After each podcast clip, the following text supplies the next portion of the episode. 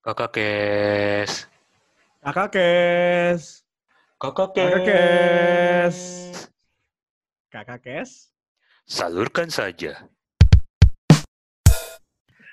Oke, selamat datang di Omami. Kali ini gue host lu, host tercinta lu, Muhammad Awi Karuniado. Dan kita kali ini lengkap, Omaminya lengkap. Semua host tercinta nongol. Via Zoom tapi Ya udah, gak apa-apa. Lebih baik bertemu daripada tidak, Pak. oh iya. Daripada yang daripada ada yang mabuk duluan terus pulang. Kenalin diri dulu dong. Kalian diri dulu Dengan dong. siapa Iya, ini? Iya aja lu. Oh, saya Viva Kadri Merdeka, host tercinta Anda. Saya Nico Ferdinand Jonathan. Host tercinta Anda juga. Wah, Dan- gila. Dan apa, Jir? Kenapa? Iya, dan lu dong bangke. Iyo. Udah nunggu-nunggu. Eh, kan Kan gue udah, dan lu siapa gitu loh. iya gue dan gue Muhammad Awi Karuniado. Iya. Nih kita cara bertiga power cintanya sangat kuat. Hati-hati ya pendengar basah loh. Coba dicek dulu ya. Astaga. Jangan jangan sampai becek atuh, Bang. Tolong di, dijaga dong. Kalau kalau abang becek ya bahaya buat kita kan kita semua laki-laki. Iya. Tapi kalau abang klien. Kan? tapi kalau kakak yang becek silakan ada Instagram kita. Siapa tahu pengen memfollow up. Follow up. Bagus. Nanti kita prospek. kita pros. Ya kalau kakak becek dilap dulu dong. Masa langsung di follow? dilap dulu dong biar kering, enak. Gila dah. Ini, MLM basah nih. Eh, belem basah. Basah. Eh, Nah, by iya. the way, kita dikumpulkan di sini dalam rangka Omami. Dikumpulkan. Tapi kita nggak tahu nih topiknya mau bahas bahas apa, cuy. Asli Hmm. dah gue kayak gue tiba-tiba dikabarin setengah ngantuk karena nonton bola semalam di mana yang hasilnya sangat buruk anjing gue dibantai 28 28. Udah udah kayak IPK cuy.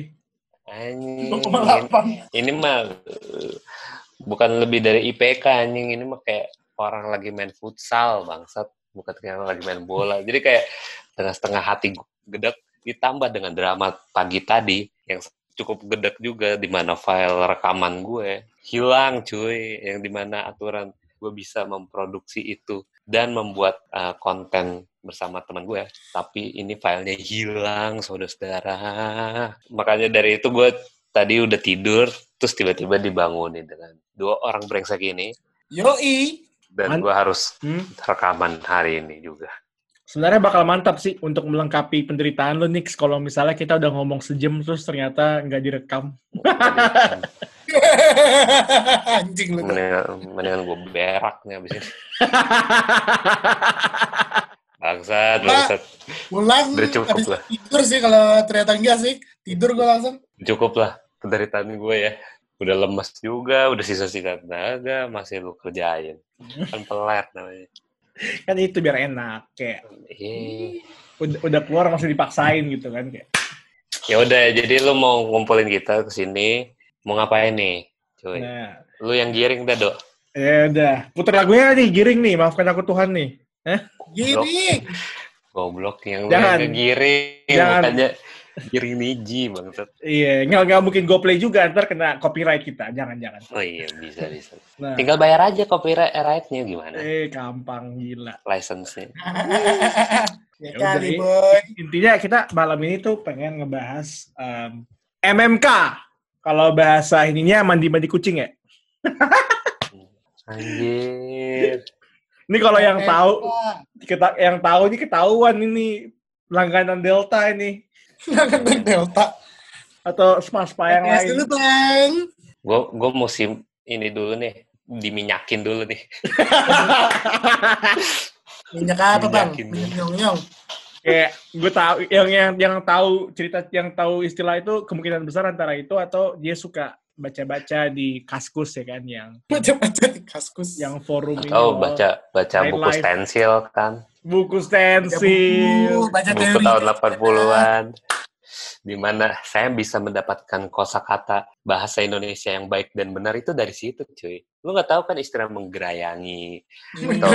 Hmm. bersetubuh gitu, bersenggama, Bersenggama. di semak-semak belukar. Waduh, Ah, sangat sangat ini sekali ya, situasional sekali ya. Habis Jadi kita bisa di bawah membayangkan keranjang. di bawah keranjang terus dibayar. Itu keranjang supermarket by the way, bukannya keranjang, bukannya keranjang kasur ya, tolong. Uh, Ini saya bingung nih untuk meluruskannya nih Bapak Edo, tolong jangan bikin mancing-mancing saya. Kan tadi kan perjanjiannya bukan itu yang kita bahas. Oke, Oh, balik ke kita kita balik ke laptop dulu ya. Malam Iya, ini kita bakal ngebahas mengenai MMK. MMK itu kepanjangannya adalah mencoba menjadi karyawan. Coba Mencoba aja kan yang buat sendiri kan. menjadi karyawan. Boleh, boleh, boleh. Gila ini kalau op- openingnya rada nakal jadi engas sendiri nih bos. Gimana nih bos? Eh, buset. Langsung nakal.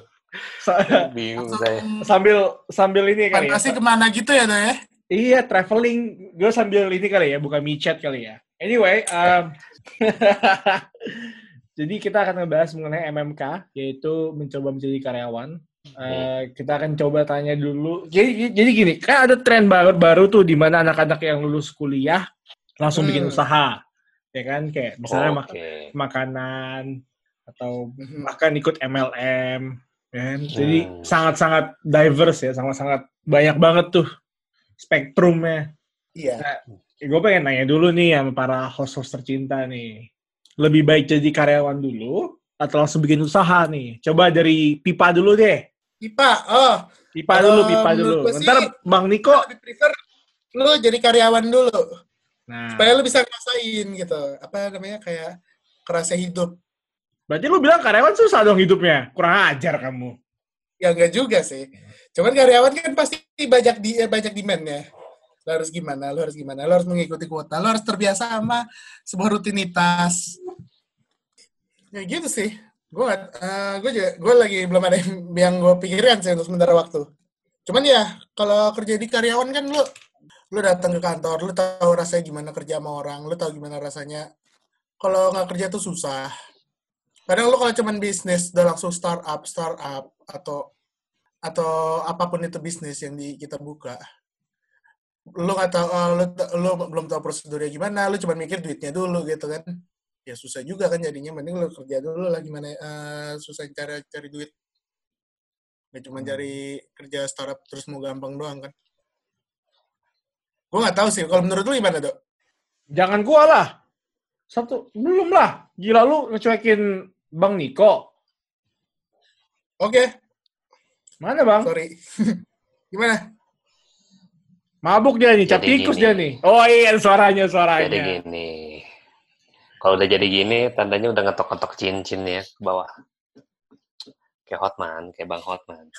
Jadi gini, Bang Hotman, boleh dong kalau ntar suatu saat nanti jadi Mau tamu di ente. podcast kita.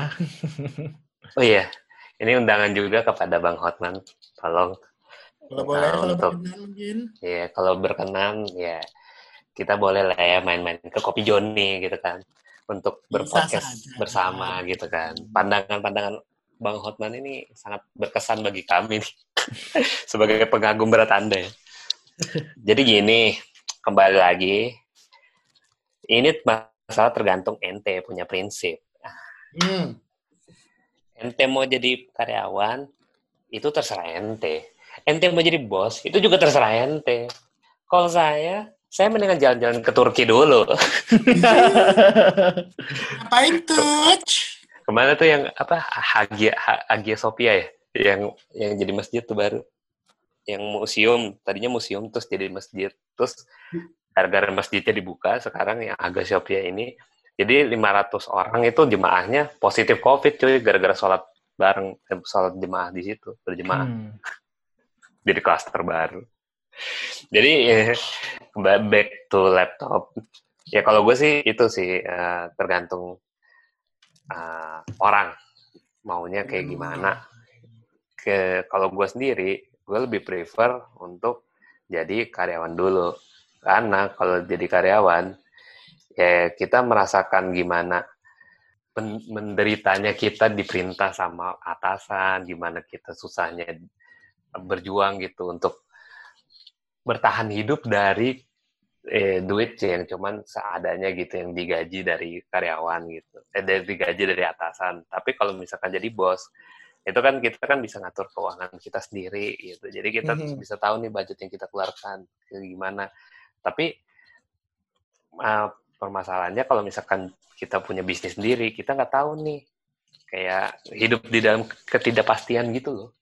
Kalau ka- karyawan kan udah udah jelas nih sebulan tuh dapat pendapatan segini. Kalau bisnis kan kita Hmm. belum tahu, belum tentu ya sebulan bisa dapat segitu gitu kan. Jadi Iya. ya bisa bertahan hidup dalam ketidakpastian itu juga suatu hal yang susah juga ya buat gue. Tapi ya kalau gue prefer mendingan untuk belajar gitu, untuk cari pengalaman, ya lu mendingan jadi karyawan dulu. Tapi bukan berarti bisnis sendiri juga jelek ya. Jelek.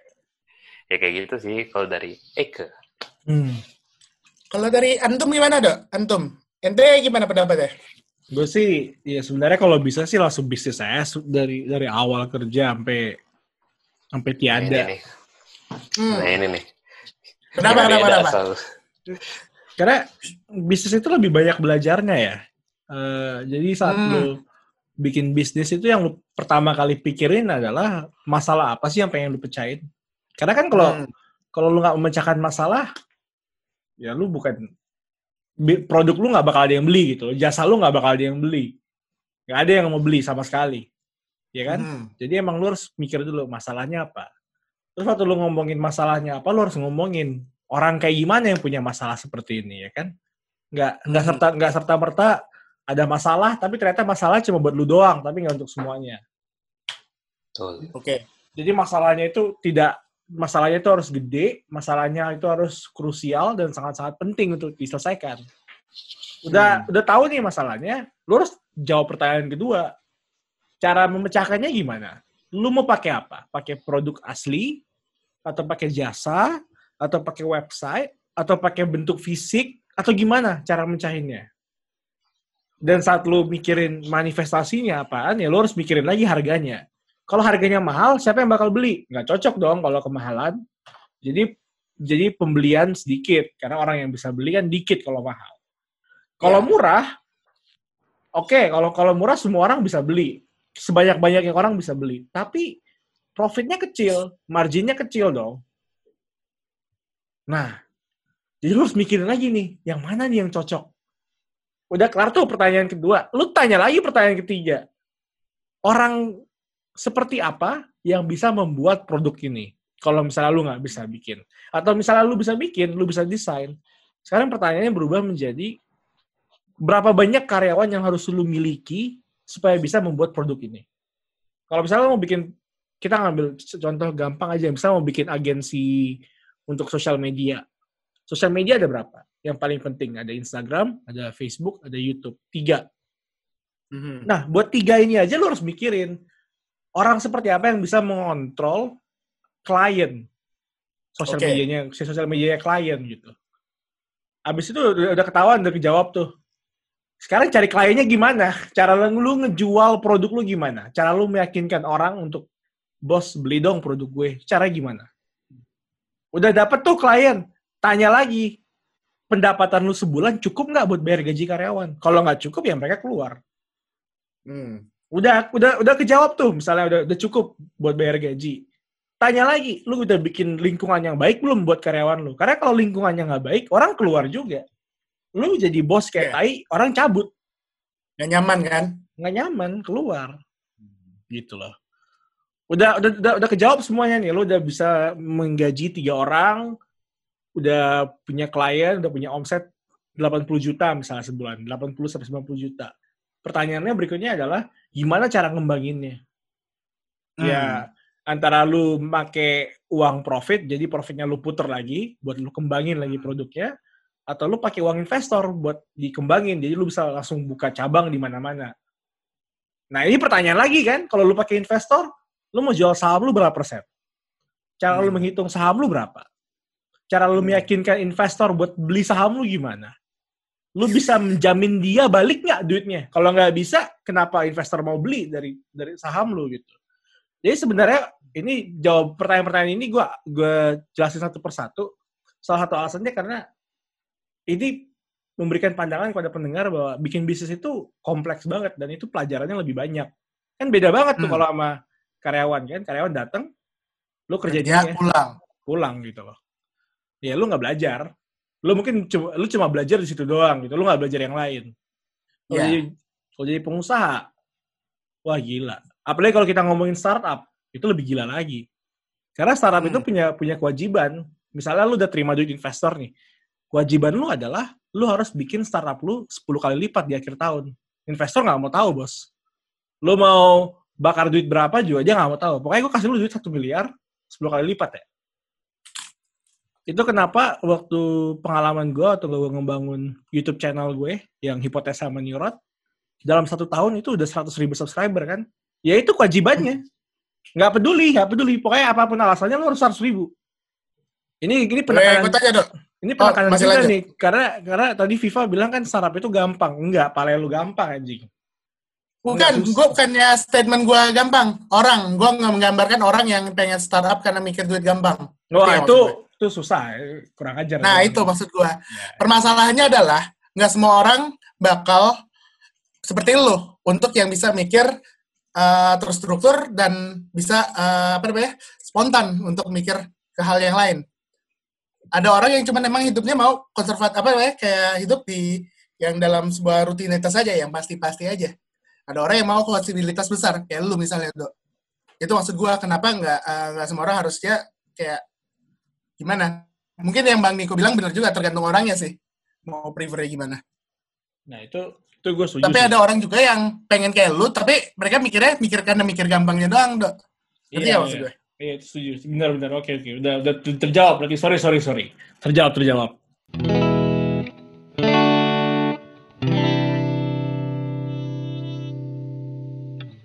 Tapi ya itu sih apa? Gue gue dulu gue nggak bisa terima gitu sih, Viv. Dulu tuh gue menganggap manusia kalau udah lahir di bumi itu harus berjuang sampai mati. Gue dulu nganggapnya itu dulu gitu ya. Jadi gue Mhm. nggak gue nggak peduli lu cacat, gue nggak peduli lu punya masalah apa pun dalam kehidupan lu, manusia itu dilahirkan untuk menang. Apa pun bentuknya dia harus menang.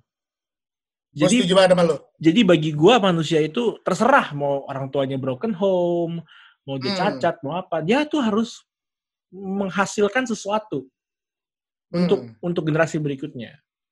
Cuma saat gua masuk ke dunia orang dewasa gitu loh, gue udah ngelihat udah ngelihat berbagai macam orang lah.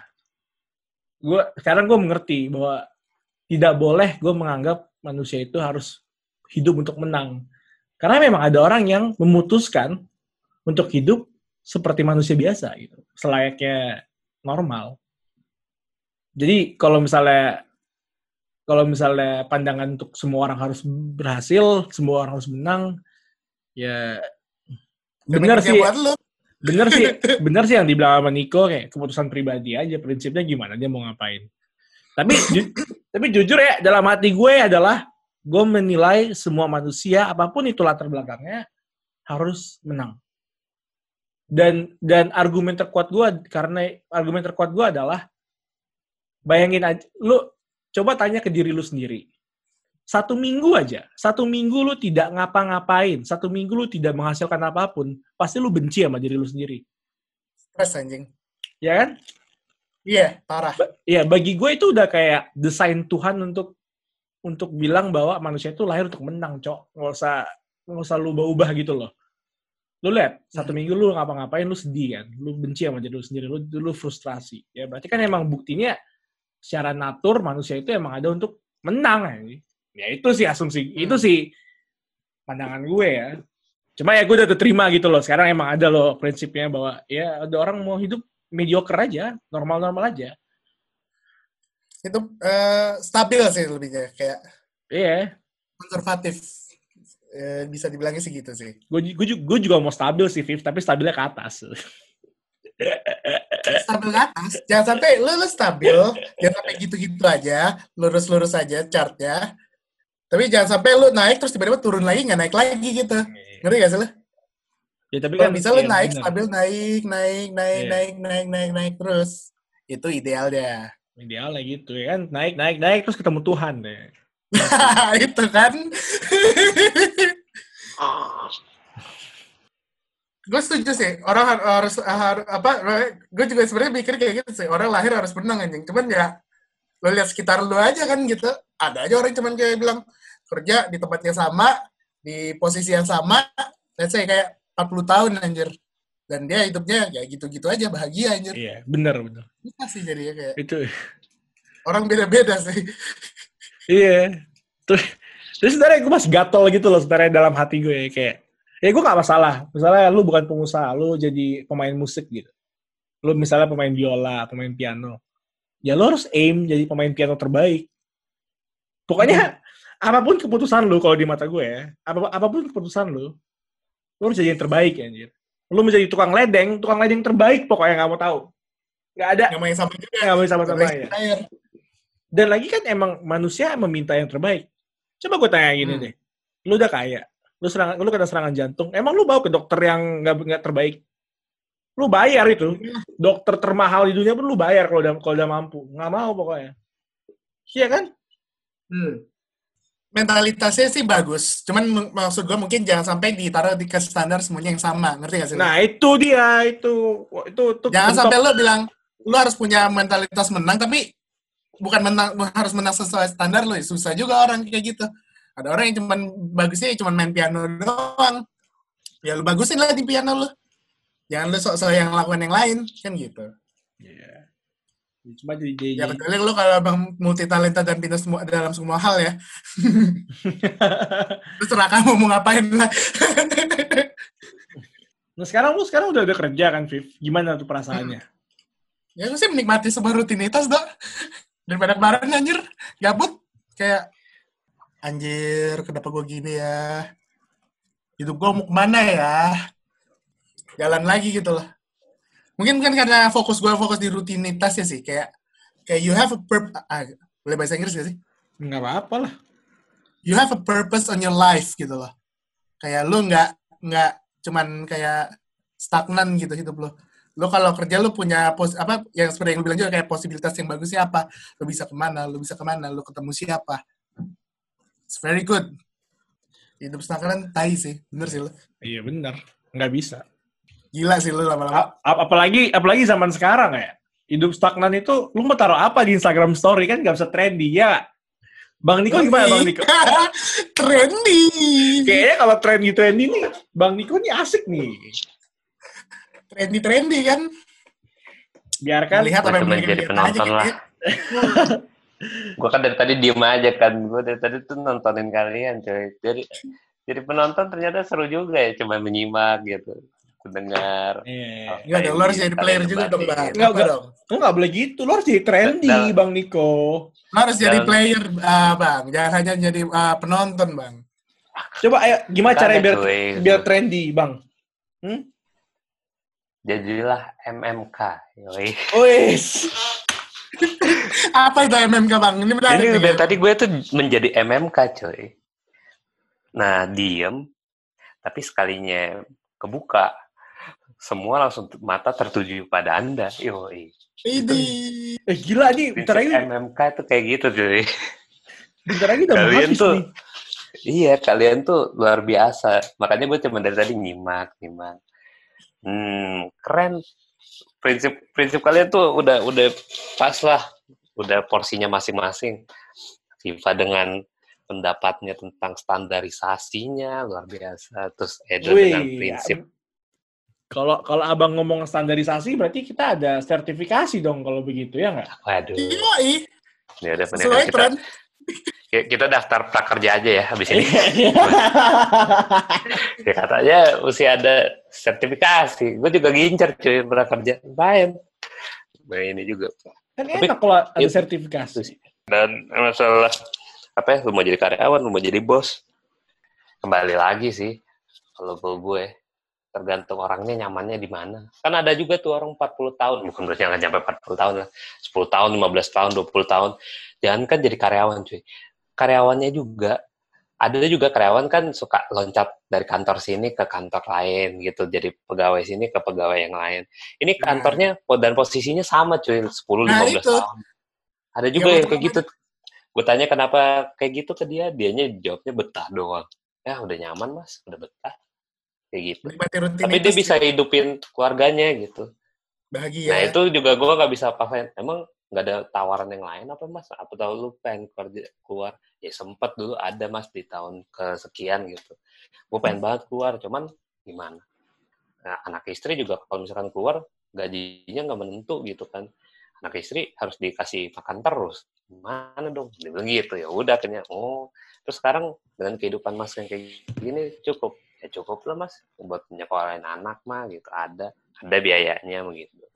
Ada juga emang ya dia emang kerja lama juga karena emang dia eh, istilahnya takut lah cari tantangan baru juga ada. Gitu ada orang gue juga pernah temu juga orang kayak gitu. Kenapa lu nggak mau pindah-pindah? Ah kalau misalkan pindah takutnya nggak sesuai terus ujung-ujungnya malah, malah jadinya ini out juga ujung-ujungnya mendingan gue di sini aja stay lama-lama kan ada Nah. juga yang kayak gitu Nah, itu untuk Jadi Maju- kayak- bukan maju iya, sih. be- beda-beda jadinya aja sih itu. Nah, Hmm. itu tuh itu itu kenapa gue sangat setuju sama anak-anak muda yang bikin usaha antara konvensional atau startup di usia muda karena ya lu nggak ada tanggung jawab bos tanggung jawab lu cuma dapetin duit 5 juta buat bayar kosan sama buat makan lu tiap bulan gitu loh nggak ada yang lain kan Makanan karyawan lu juga lah. Ya ya itu kan ya itu bisa pilihan nanti lah lu, lu dulu yang dikasih makan. Tapi intinya jelas adalah ya lu selama masih muda nggak tanggung jawab apa pun selain lu dan perusahaan lu mending lu bikin perusahaan biar lu tahu rasanya gagal biar lu tahu rasanya berhasil. Kalau berhasil lu jadi orang kaya. Kalau lu nggak berhasil lu bakal jadi karyawan yang baik. Karena lu udah bisa gitu loh. Buat rekrut orang buat ngatur keuangan bahkan buat drafting eh, akta atau paham lah akta itu kayak gimana penulisannya. Itu kan Hmm. pengalaman banget. Kalau udah udah nikah nanti resiko lu nurun. Lu nggak mau lagi ngambil resiko karena lu punya istri lu punya anak. Hmm. dan jadinya Yang sangat harus- seseorang yang harus lu kasih makan kan. iya dan jadinya sayang aja gitu loh. Kayak gue gue suka sih apa yang kata Jack Ma yang punya Alibaba yang bikin Alibaba. Ya lu di bawah 30 ya gagal aja terus tiap tahun. Nggak masalah kok Habis itu antara lu jadi pengusaha sukses di umur 29 atau lu jadi karyawan baik di umur 29 nggak ada bedanya. Dan prinsip itulah yang kita terapkan di kakak kes bukan? Jelas dong. Anjir. Uh, sekali. Ba- bagi gue bagi gue gue ngomong jujur nih ya. Episode Hmm. episode yang tidak mencapai eh, ratus apa ribu, ribuan plays misalnya kayak kita rilis episode ke 200 tuh seribu playsnya bagi gue itu baru dibilang berhasil. Bagi gue itu baru dibilang berhasil. Kalau gue pribadi ya yang kalau host-host yang lain yang host cerita yang lain mungkin beda gitu. Tapi gue pengen Hmm. banget li- rilis satu satu episode aja yang denger udah sepuluh ribu tiga puluh ribu gitu. Bagi gue itu udah berhasil udah momen berhasil.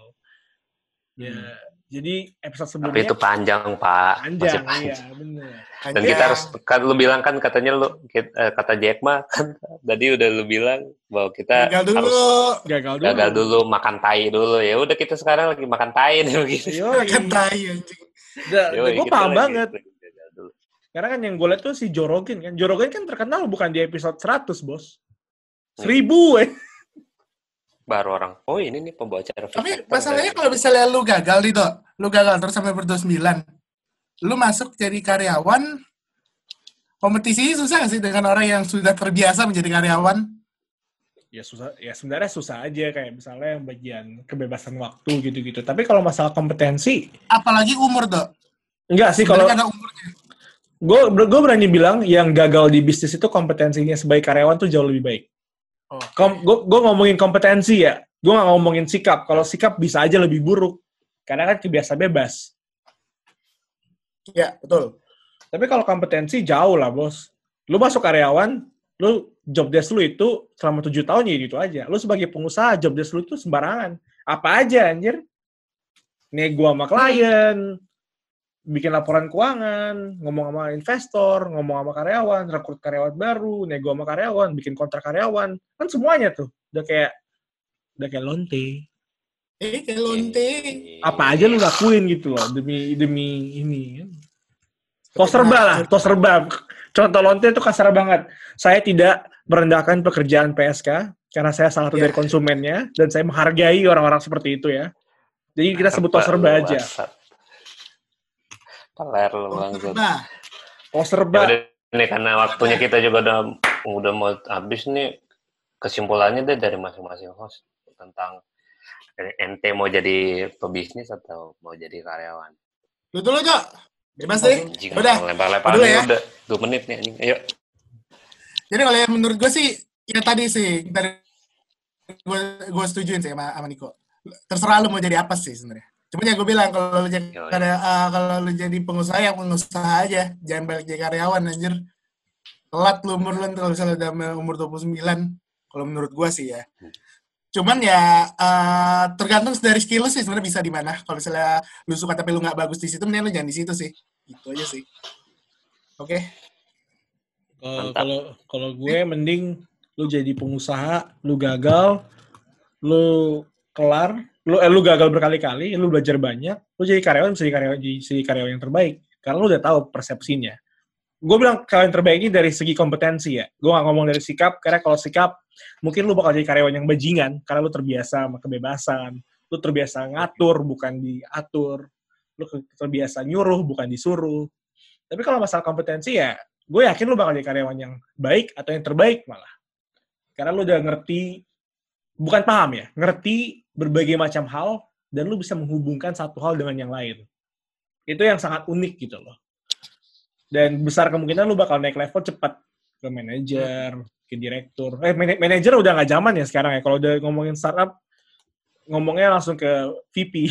Direktur. Ya, VP sama chief chief. Iya. Nah, itu itu sih eh, by the way tips juga buat kalian para pendengar yang fresh grad atau ini, mending kalian langsung ke startup deh. Gak usah ke korporat. Ke startup tuh jelas lima tahap langsung jadi direktur. Itu beda episode deh. Korporat aja lah, lebih aman. Selesai, selesai. Itu buat buat Omami kali ini. Terima kasih telah mendengarkan. Salam Thank you, sejahtera. guys. Apa? Salamnya mana nih? Salam. Ayo, ayo, ayo, ayo, mana? Kakak Kes. Salurkan saja.